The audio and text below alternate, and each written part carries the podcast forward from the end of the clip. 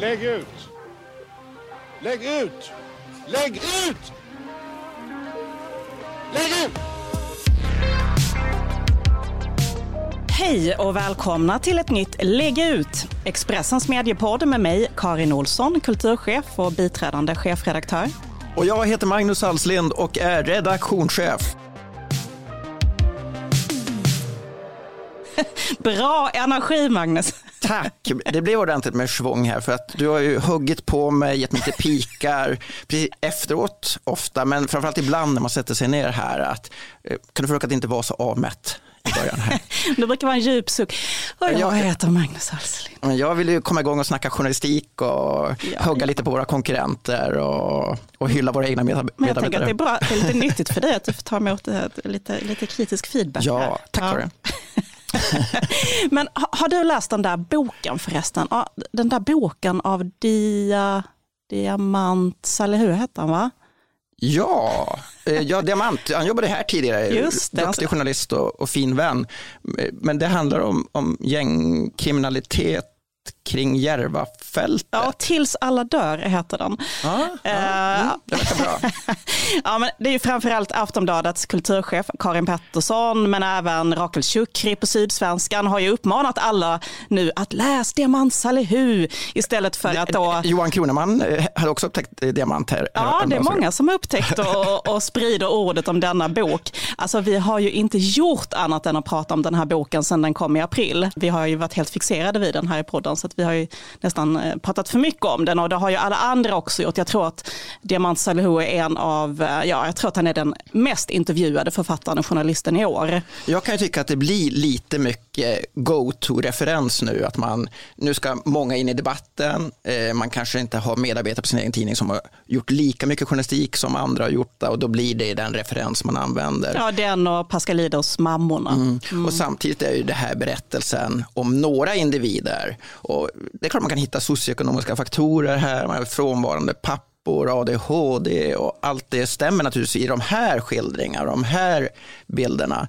Men sen samtidigt har vi ju, vi hade en intervju med Torsten Alm eh, för ett halvår sedan som Niklas Svensson gjorde, en lång djup intervju med han som utreder gängen inne på polishuset och när han då berättar om Lamouri-bröderna som då är Stockholms mest framgångsrika gängledare kan man använda det uttrycket, men det, det största nätverket som har vunnit mest mark periodvis och vart de nu dömdes till jättelånga fängelsestraff.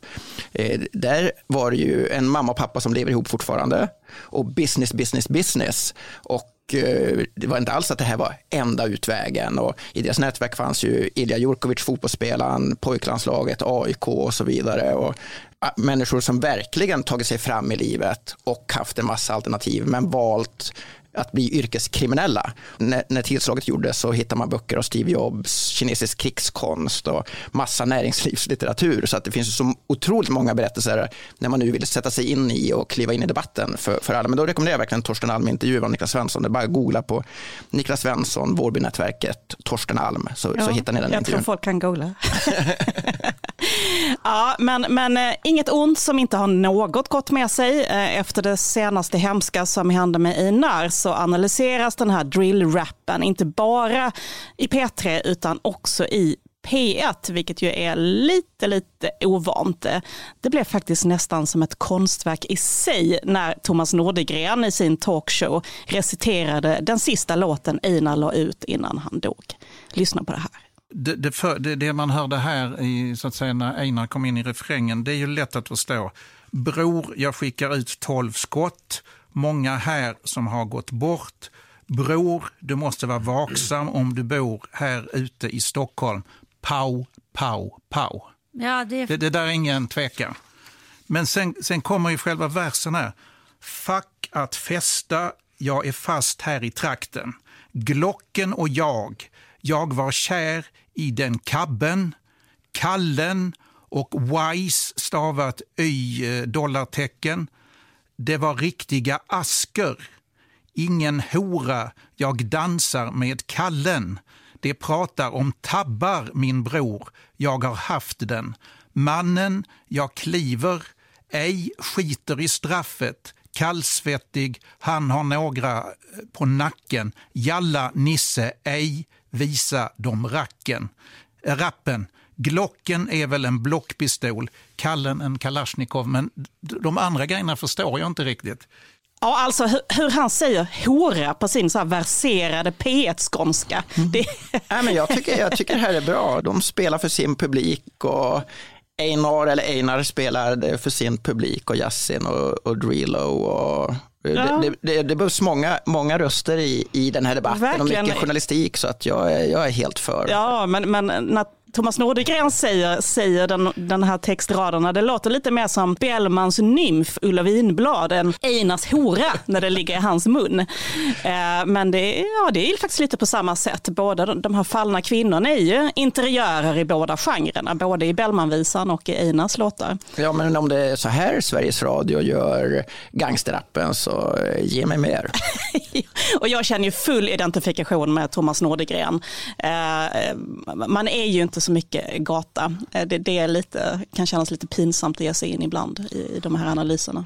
Utanför i alla fall. Ja, exakt.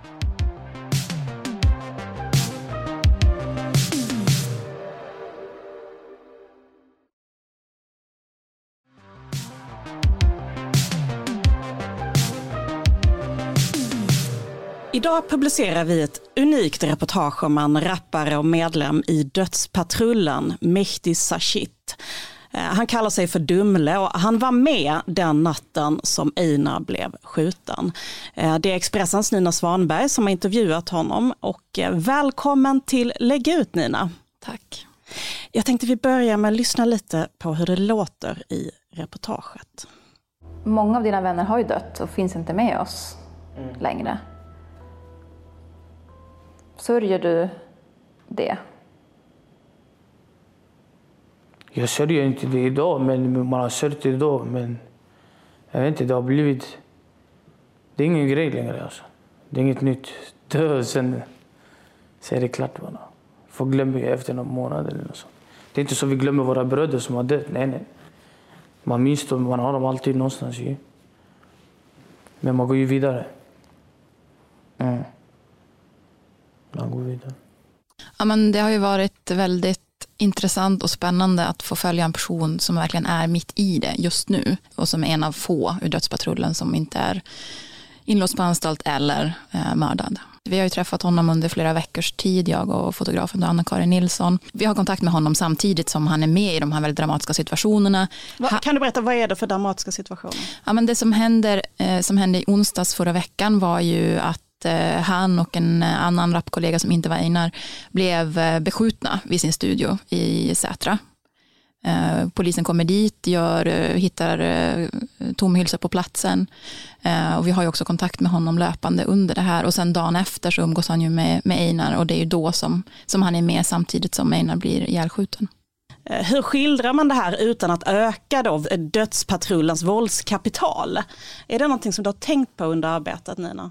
Jag har jobbat som krimreporter länge på Expressen och då, då är det ju hit man hela tiden vill, alltså vara och prata med personerna, intervjua dem om det de befinner sig i och sen eh, Sen vilken kontext det han kommer i och vad vi tar med och inte, det blir en senare diskussion. Men vår grundinställning, eller min som journalist, är ju att prata med personerna som är i det. Mm. Vad tänker du Magnus om det där?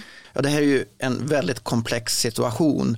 Eh, du har haft kontakt med honom före de här händelserna och efter de här händelserna. Och historiskt i nyhetsbevakning så kan vi liksom prata om Erik Fichtelius som var med Göran Persson under en mängd år och fick veta en massa saker som man sen inte skrev på flera år och, och samtidigt gjorde politiska, politiska kommentarer i SVT. Riktigt så är ju inte det här fallet utan du har ju också nyhetsrapporterat om eh, så mycket vi, vi bara kunnat publicera under hela den här tiden och haft avslöjanden om tillsammans med Fredrik Sjöshult och Kim Malmgren om att att eh, Einar blev skjuten med minst tio skott. Man hittade de tio hylsor var på, på marken. Han blev träffad av två skott, var det så? Precis, han blev träffad i bröstet och i ansiktet. Och eh, han har även pratat med dig om mordet på Einar, det han då har kunnat uppge och det finns även med i det här reportaget. Kan du berätta lite för lyssnarna vad, vad han säger kring Einar? Ja, men det han berättar är ju just det här att eh, han befinner sig på platsen, de kommer ut från det här cykelförrådet, Eh, de möter personer som öppnar eld mot dem, eh, Einar och den andra rapparen som befann sig där, eh, springer därifrån, han hör att det skjuts och sen hur han blir då, Einar blir jagad av de här skyttarna Mm. Och vi har pratat mycket kring säkerheten under hela det här arbetet som du och Anna-Karin Nilsson, fotografen, har gjort. Och du är en mycket, mycket erfaren reporter som har varit på Aftonbladet, som har varit på Omni, som har varit på KIT, som varit USA-korrespondent för Expressen och var kriminalreporter och under tiden i USA så blev du träffad av en gummikula av polisen och bevakade demonstrationer. Hur vill du jämföra anspänningen under det här arbetet med saker du har varit med om tidigare? Ja, men tidningen är ju väldigt noggrann vad gäller säkerheten och det är mycket diskussion inför och var ju det även inför det här jobbet. Och jag kan ju ibland känna mig lite frustrerad för att jag vill inte känna att jag är en porslinsdocka liksom, eller bli behandlad som en porslinsdocka. Vi vill ju vara där det liksom där det händer och där det bränner till. Vi journalister tror jag nog, vi har ju som det i blodet att liksom springa mot det som smäller eller bränner. Eh, då är det ju ganska bra då att man har en arbetsgivare som eh, fångar upp det där och liksom eh, är någon slags krockkudde.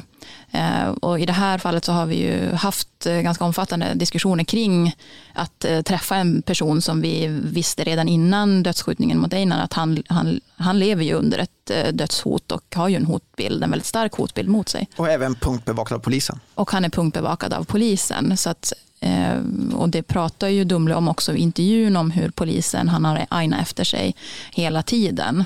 Eh, och han, ser ju, han säger ju i intervjun också hur han ser polisen som en slags, eh, som någon slags livvakter för att eh, de följer varenda steg han tar. Och det är tryggare att veta vars polisen och deras, och deras spanare är än att, än att inte veta det. Det här är ett väldigt ovanligt ett reportage, att en, att en gängkriminell ställer upp så här och berättar med namn och bild. Nina, har du någon känsla för varför han är med? Han eh, har ju nu en rapkarriär som han vill lansera. är ju en av de eh, anledningarna till att han ställer upp och pratar. Han kom ju ganska nyligen ut eh, från fängelset. Han har avtjänat eh, två år och nio månader för grovt vapenbrott. Och under tiden i fängelset så har han ju då börjat rappa och tänker att han ska eh, lansera sig som rapartist. Och det var ju också därför han träffade Einar och umgicks med honom för att göra musik. Och han menar ju, säger ju i intervjun att eh, han ser det som kanske en, en, väg för honom och hans gruppering, alltså dödspatrullen, att eh, kunna lämna det kriminella och istället kunna eh, livnära sig på musiken. Eh, jag tycker det finns flera medieaspekter på detta som är otroligt intressanta. Och, och om vi börjar med det här, han vill bli rapartist, men den här dokumentären du har gjort i tv och det här reportaget du har skrivit, det är ju inte som de här då legendariska klassiska bilderna på den och Akkar på stranden i Turkiet som Expressen publicerade. Det var ju också jättebra journalistik, men vart man framställs, man får visa upp sig så tuff man vill.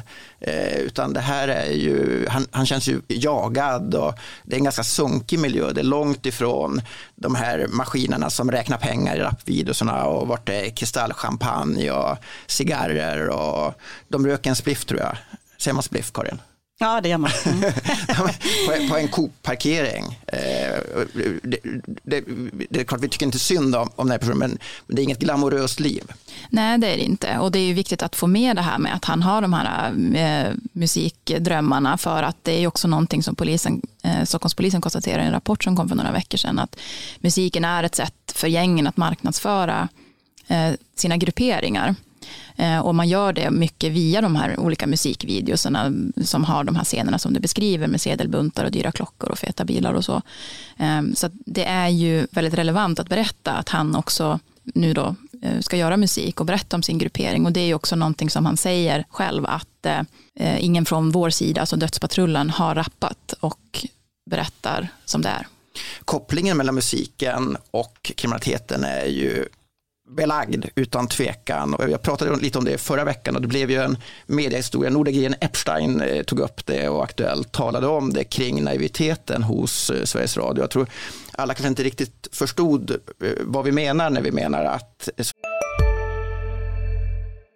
Har du också valt att bli egen? Då är det viktigt att skaffa en bra företagsförsäkring. Hos oss är alla småföretag stora och inga frågor för små. Swedeas företagsförsäkring är anpassad för mindre företag och täcker även sånt som din hemförsäkring inte täcker. Gå in på swedea.se företag och jämför själv. Hej, Ulf Kristersson här. På många sätt är det en mörk tid vi lever i. Men nu tar vi ett stort steg för att göra Sverige till en tryggare och säkrare plats. Sverige är nu medlem i Nato. En för alla, alla för en. spelar du borde satt in det här i mer sammanhang. Och det är ju precis det här sammanhanget det är. Eh, är, är livet som rapartist och kriminell så glamoröst som det framställs i videorna och ibland i låtarna, där det är ju olika bilder. Nej, det är det absolut inte. Det måste man som journalist kunna visa mycket, mycket mer av. Och det, och det, det gör du nu. Och hur används musiken för att rekrytera till gäng? Det hade exempelvis P3 och andra kunnat gjort mycket, mycket mer om genom åren. Och de här motfrågorna du ställer hela tiden nu till rapartisterna, det var ju de som helt saknades i den här SVT eh, Play-dokumentären om Yasin som inte bara publicerades utan liksom lyftes upp på SVT Play under så lång tid. Det var den här Edit-dokumentären. Ja, ja precis. Mm. Och det är det här sammanhanget vi pratar om. Musiken kan naturligtvis spelas, det kommer inte gå att förbjuda kulturella yttringar. Och ger man pris, ja, då behöver man sätta priset i sammanhang. Kanske på galan, men framförallt med massa, massa journalistik kring det.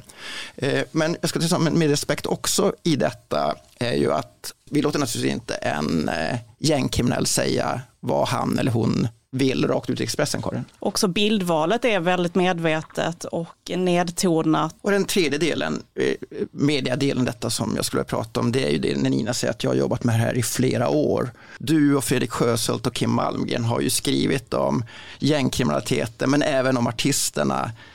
Det har ju tyvärr lett till väldigt obehagliga situationer för dig, Nina, och i samband med Pressfrihetens dag eh, tidigare år så berättade du om, om, om de hot som du utsatts för.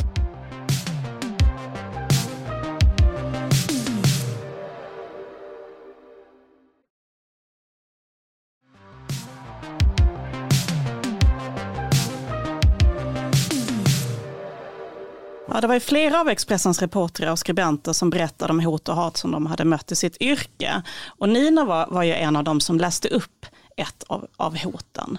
Så här, så här lät det då.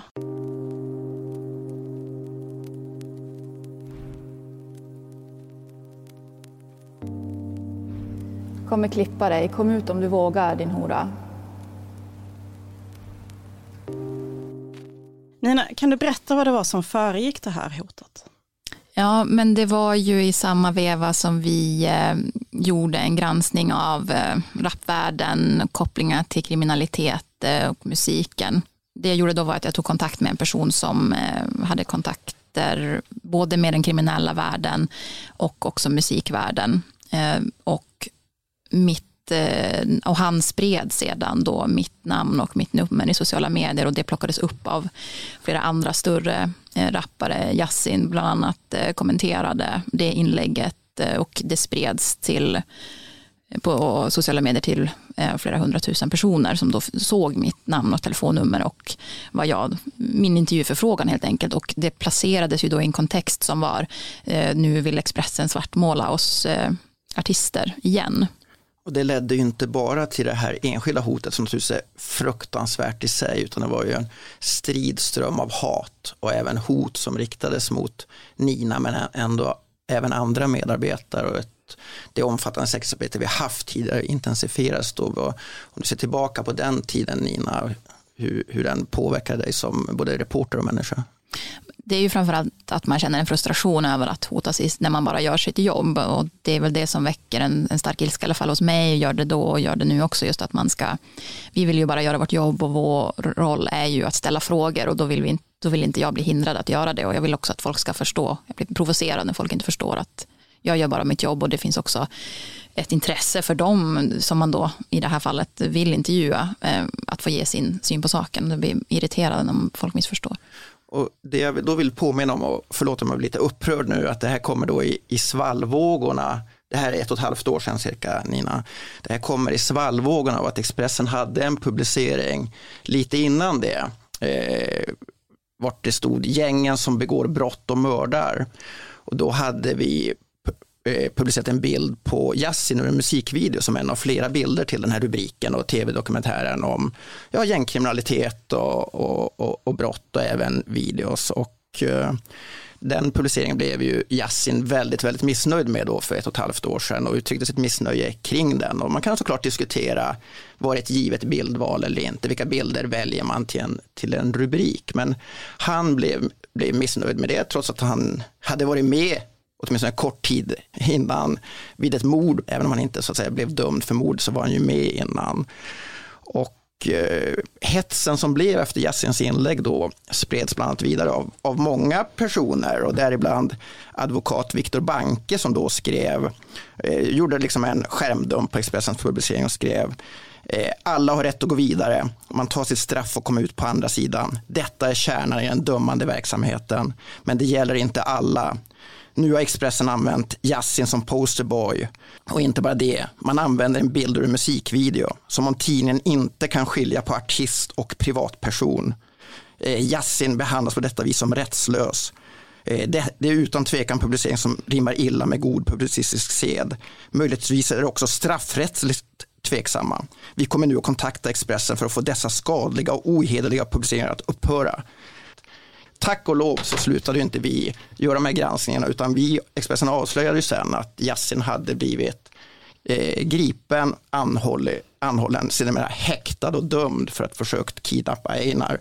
Einar som är mördad. Ja, mm. precis. Och detta skedde så att säga innan den kidnappningen skedde innan den här publiceringen av Viktor Banke och ännu längre innan det så hade han varit dömd för grova brott det har ju varit en hets mot de journalister som gjort det här granskande jobbet. Och nu dyker det upp, vi skojade om det lite i inledningen av programmet här, det dyker upp en hel rad debattörer och personer som snabbt ska kasta sig in i det här ämnet, eh, referera till Diamant Salihus bok ungefär som att det var en, kolla här, här är en selfie med diamant, då är jag på rätt sida och, och och, eh, och, och kan det här och, och, kan ta en snabb position när det här området är så oerhört svårjobbat, komplext och sådana som Nina Svanberg och eh, även Kim Malmgren Fredrik Sjöshult och en del andra journalister, men inte jättemånga. En del har gjort ett otroligt jobb under massa år genom att åskådliggöra det här enorma samhällsproblemet. Så att eh, tack eh, Nina för att du inte lyssnade på Viktor Banke. Ja, tack. ja, nej, men Viktor Banke har väl legat kanske lite lägre nu då, eh, efter de senaste vändningarna med eh, Jassin och Einar. Ehm, Ja, förlåt om jag blir upprörd, men det, det, är inte så, det var inte så många andra medier som, som stred till försvar här och satte sig in i ämnet och tog reda på saker. Hur förhåller det sig här? Är det liksom härliga, härliga killar som tidigare har varit kriminella, jobbat sig ur svåra socioekonomiska situationer och nu rappar de sitt tidiga liv? Nej, det är inte det. De lever ett kriminellt liv. Vi försöker bevaka det här och skriva ja. om det här och det leder till dödshot mot reportrar. Och det är det vi har försökt uppmärksamma bland annat i podden förra veckan och nu anklagas det för narcissism och självupptagenhet och för att man inte då bryr sig om eh, verkligen. Ja, man, man, man blir ju less ibland. Tur att vi har vårt eget forum här. Tur vi har en egen fem miljoner sajt att jobba med. Ja, precis. Och, och, eh, mm. men, men Nina, du har jobbat flera år med, med den här typen av kriminalitet. Lärde du dig något nytt av det här jobbet med Dumle? Jag frågar eh, varför kan man inte bara lägga ner stridsyxan? Nu, nu måste det vara ett slut på, på, på dödandet. Och då säger han, eh, men jag kan inget annat. Våld är den enda lösningen som jag ser. Och jag tycker att man, man känner igen det i så många andra resonemang som många av de här unga männen har. Och det, just det han säger tycker jag är så signifikant och viktigt att tänka på eh, och ta med sig från den här intervjun. Just att han säger att kan ingenting annat. Våldet är enda lösningen på problemen. Tack för att du kom till Lägg ut och tack för ditt otroliga reportage eh, som vi har publicerat idag. Tack själv.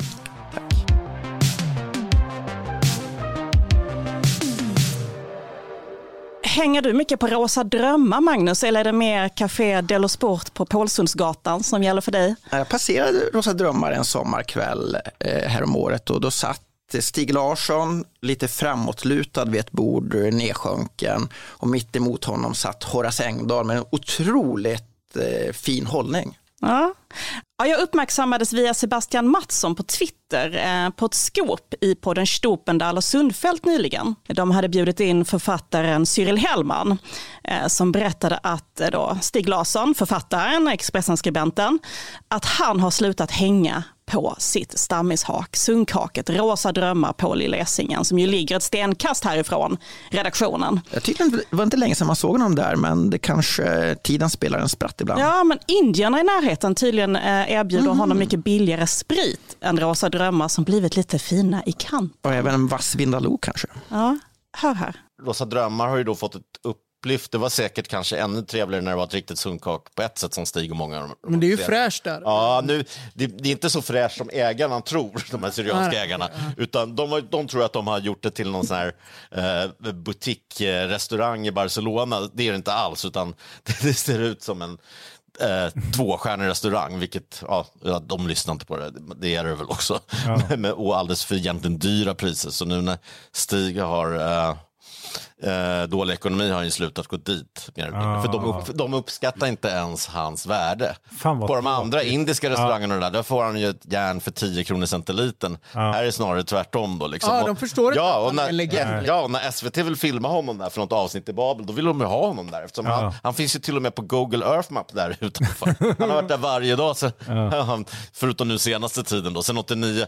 Men då vill ju de intervjua honom där, men då tar då ägarna 10 000 i arvode av SVT. Ja, men det är Och- ju- Fast det är reklam Som de för dem. betalar eller? Ja, SVT gjorde det för att de så gärna ville ha honom Det är ju där. helt sjukt. Ja. 10 000 spänn för att ha Stig Larsson eh, på Rosa Drömmar i Babel. Jag vill också tipsa om den här dokumentären som Sigge Dabrowski har gjort om Stig Larsson och och Rosa Drömmar. Jag tycker den är vassare än den här tv-referensen som gavs i podden. Ja, men det här med journalister och författare på stammishak känns ju annars ja, lite, lite passé i vår tid. Det är ingen som har tid eller orkar eller kan vara från familjen liksom, och sitta och hänga på något ställe.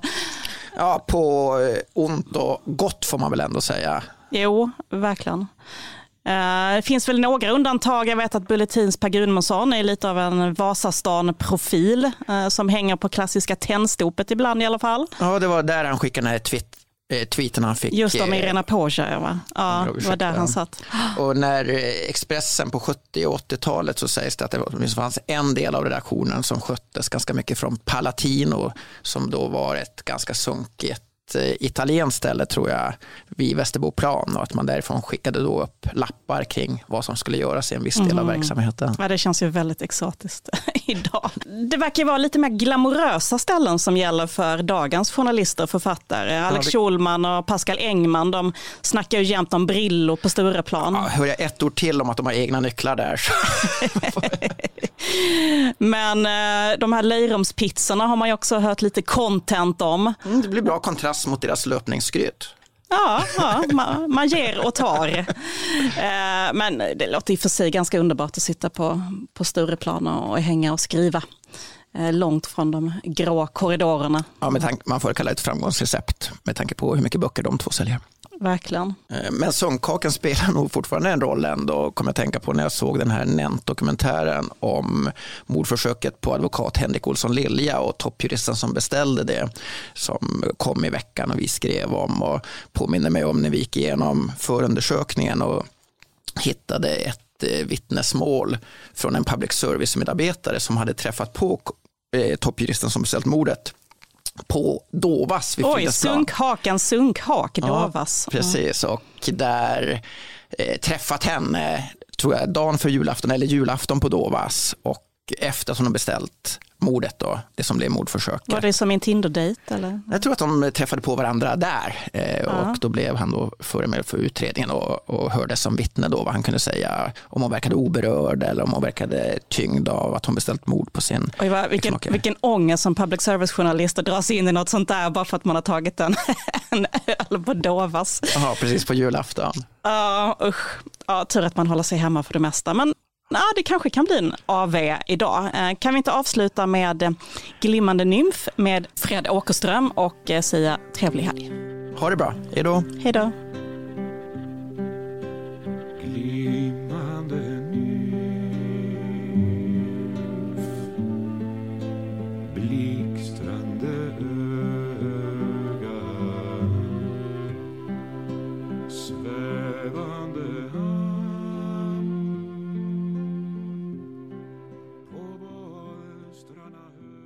Du har lyssnat på en podcast från Expressen. Ansvarig utgivare Klas Granström